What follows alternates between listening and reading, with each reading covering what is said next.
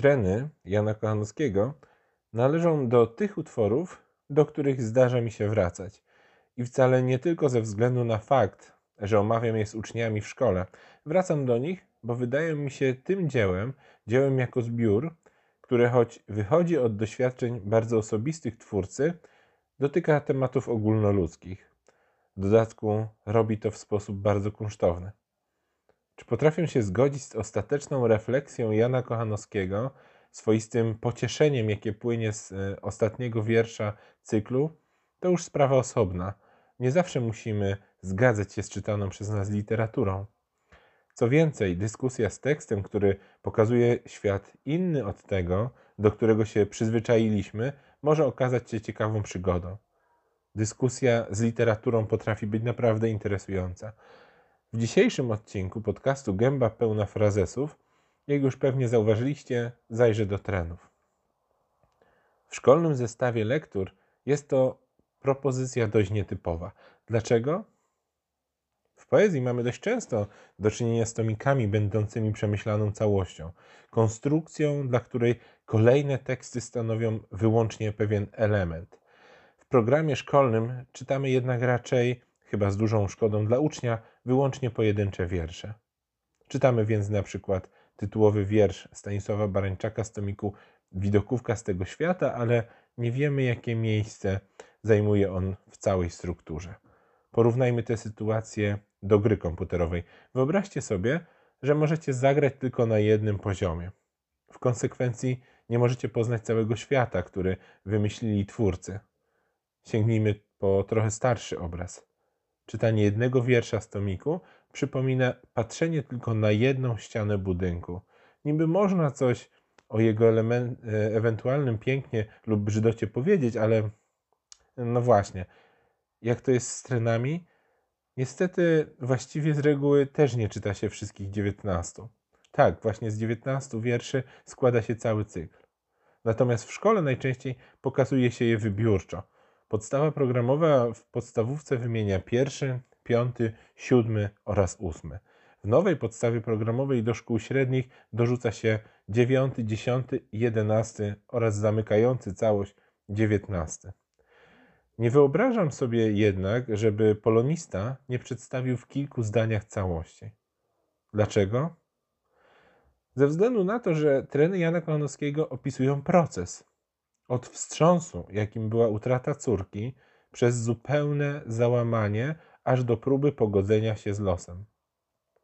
To uświadamia nam, że lektura cyklu jest pewną całością. To właściwie ciąg kolejnych stanów emocjonalnych towarzyszących człowiekowi po stracie bliskiej osoby, a jednocześnie opowieść o wartościach, które wydawały się stabilną podstawą życia, jednak finalnie okazały się niewystarczające.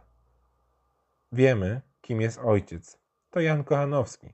Wiemy, kim jest jego córka. To Urszula Kochanowska. Do pierwszej lektury, do przyjrzenia się bezmiarowi smutku, jaki towarzyszy podmiotowi lirycznemu, to wystarczy. Resztę będziemy wydobywać w trakcie kolejnych spotkań z tekstem. Ogrom rodzinnej tragedii zrozumiesz bez zagłębiania się w historyczno-literacki kontekst. Ojciec w otwierającym całość utworze porównuje swoją sytuację do mamy słowików, które pożarł smok. Czyli prawdopodobnie, jak najczęściej starają się to tłumaczyć przypisy, wąż lub jakiś potwór. W rozbudowanym porównaniu, to tak zwanym porównaniu homeryckim, wspomniany smok ma oczywiście symbolizować śmierć, która nie przejmując się rodzicami, zabiera dziecko. Załamanie ojca pomnaża jego bezradność, nie pomagają też pocieszenia innych, bo skupiają się najczęściej na wskazaniu, że jego płacz jest daremny. Najczęściej podobnie reagujemy na pocieszenia, prawda? Wiemy, że nasz płacz w niczym nie pomaga, nikogo nie jest w stanie przywrócić do życia. Ale cóż może pomóc? Po stracie córki wszystko Kochanowskiemu wydaje się daremne. Czujemy to już od pierwszych słów w trenie pierwszym. Otwarcie tego wiersza łączy w sobie trzy środki stylistyczne. Mamy tutaj apostrofę, wyliczenie oraz anaforę. Nie chciałbym w tym miejscu skupiać Waszej uwagi na docenieniu warsztatu poety, a raczej pokazać, że nawet posiadane przez niego umiejętności i wiedza filozoficzna nie potrafią w pełni opisać smutku ojca. Wzywa on do wspólnego płaczu nad swoją córką wszelkie możliwe sposoby wyrażania żalu. Anaforyczne powtórzenie, między innymi zwrotu wszystki, podkreśla wielkość smutku. A i to zdaje się nie wystarczać. Listy więc poeta nie zamyka. Przytoczmy ten fragment. Wszystki płacze, wszystki łzy heraklitowe i lamenty i skargi symonidowe, wszystki troski na świecie, wszystki wzdychania i żale i frasunki i rąk łamania, wszystki, a wszystki zaraz w dom się mój noście, a mnie płakać mej wdzięcznej dziewki po moście, z którą mnie niepobożna śmierć rozdzieliła i wszystkich moich pociech nagle zbawiła. Z jednej strony to dla czytelnika zapowiedź, z drugiej świadomość, że to dopiero początek, że smutek podmiotu lirycznego nie znalazł jeszcze pełnego wyrazu. Tutaj rodzi się pytanie, czy na pewno jest to możliwe. Zajrzyjmy do piątego wiersza z cyklu trenów. Podobnie jak w pierwszym, poeta wprowadza tutaj rozbudowane porównanie. Krótkie życie córki, wszystko wskazuje na to, że zmarła przed ukończeniem trzeciego roku, przedstawiono poprzez porównanie do oliwki. Nieostrożny sadownik przyciął ją wraz z chwastami. Tym razem śmierć wydaje się przypadkowa. To już nie wąż, który sam wszedł do gniazda. Śmierć Urszuli jawi się jako błąd w planie. Małe dziecko nie powinno umierać. Powinno dać mu się wzrastać. Tymczasem córka poety została zabrana przez śmierć, będąc jeszcze jak oliwka, która nie zdążyła nawet wypuścić liści. Ta przypadkowość losu, ta śmierć nadchodząca niespodziewanie, zdaje się z tej perspektywy niesprawiedliwa i pozbawiona sensu. Podkreśla to zamykający tren piąty pytanie skierowane do Persefony, która dla Kochanowskiego staje się symbolem śmierci. Pytanie o daremność żalu pozostaje bez odpowiedzi, przynajmniej na razie. Żal ojca po stracie dziecka się pogłębia.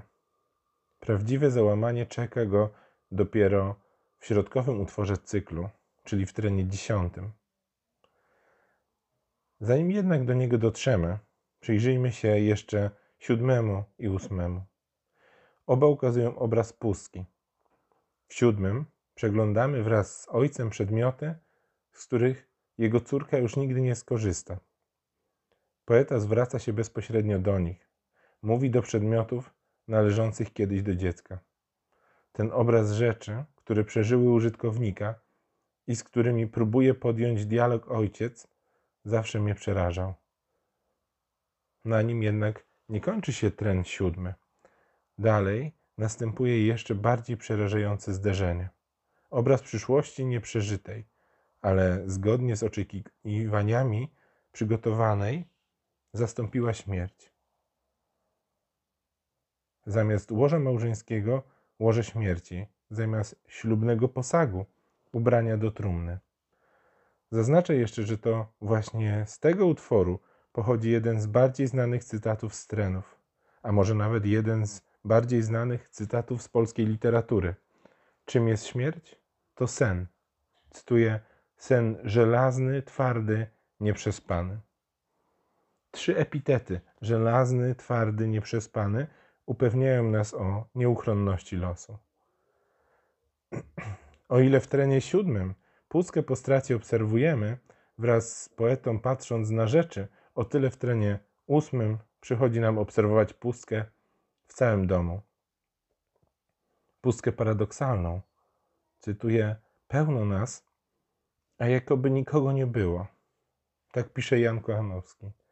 Następnie wylicza kolejne czynności, których już nigdy Urszulka nie będzie robić.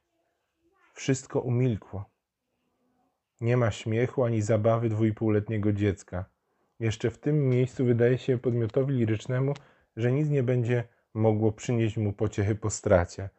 Ten ósmy kończy się słowami, cytuję, serce swej pociechy darmo upatruje. Zanim nadejdzie pociecha, musi przyjść jeszcze tren dziesiąty. Od niego zacznę kolejny odcinek podcastu. Przyjrzeliśmy się bardzo ogólnie trenom, które jako obowiązkowe powinni poznać uczniowie w szkole podstawowej. W kolejnym odcinku podcastu zajmę się tymi, których znajomość wymaga się od uczniów szkoły średniej. Postaram się tam rozszerzyć refleksję o istotną dla twórczości Jana, Jana z Czarnolasu warstwę filozoficzną. W tym odcinku nie przyjrzałem się też cyklowi trenów jako dziełu zajmującemu szczególne miejsce nie tylko wśród innych utworów autora, ale w ogóle będącym ciekawym zjawiskiem dla literatury renesansowej. W tym odcinku myślałem szczególnie o młodszych czytelnikach, chociaż i tym starszym taki wstęp może się przydać. I na koniec dla nich wszystkich chciałbym coś dodać. Posłuchajcie. Właściwie zamiennie używałem takich pojęć jak podmiot liryczny, autor, ojciec, utożsamiając wszystkie te instancje z Janem Kochanowskim. Z jednej strony przy omawianiu trenów wydaje się to uzasadnione, z drugiej warto pamiętać, że nie wiemy, czy cykl wierszy przedstawiający psychikę ojca po stracie córki w pełni odzwierciedla emocje Jana Kochanowskiego. Często się tak o tych wierszach myśli, ale warto nadmienić, że dla przykładu treny nie musiały powstawać w tej samej kolejności, w jakiej zostały ułożone. Kiedy czytamy utwór Kochanowskiego, widzimy w nim też kompletne dzieło, artystyczny kunszt. Można więc założyć, że podmiot liryczny i autor w tym przypadku nie są wcale tożsami w stu procentach. Są tu niuanse, ale mogą się okazać pomocne i przydatne w refleksji o stosunku autora do dzieła. Czasami myślę sobie, że Jan Kochanowski, siadając do pisania swojego arcydzieła, jest już bardziej świadomym poetą, twórcą niż ojcem opłakującym dziecku. I w moich oczach nie umniejsza to ani jego uczuciom jako rodzica, ani jego utworowi. Może nawet czyni je jeszcze ciekawszym. Te rozważania doprowadzają mnie do jeszcze jednego pytania. Czy w przypadku Kochanowskiego treny spełniły funkcję terapeutyczną? Możemy tylko gdybać. Chociaż wydaje się kuszące stwierdzenie, że niektórzy tworzą literaturę, aby niczym na spotkaniu z terapeutą wygadać się, zrzucić z siebie ciężar doświadczeń. To na dziś już wszystko. Niedługo kolejny odcinek.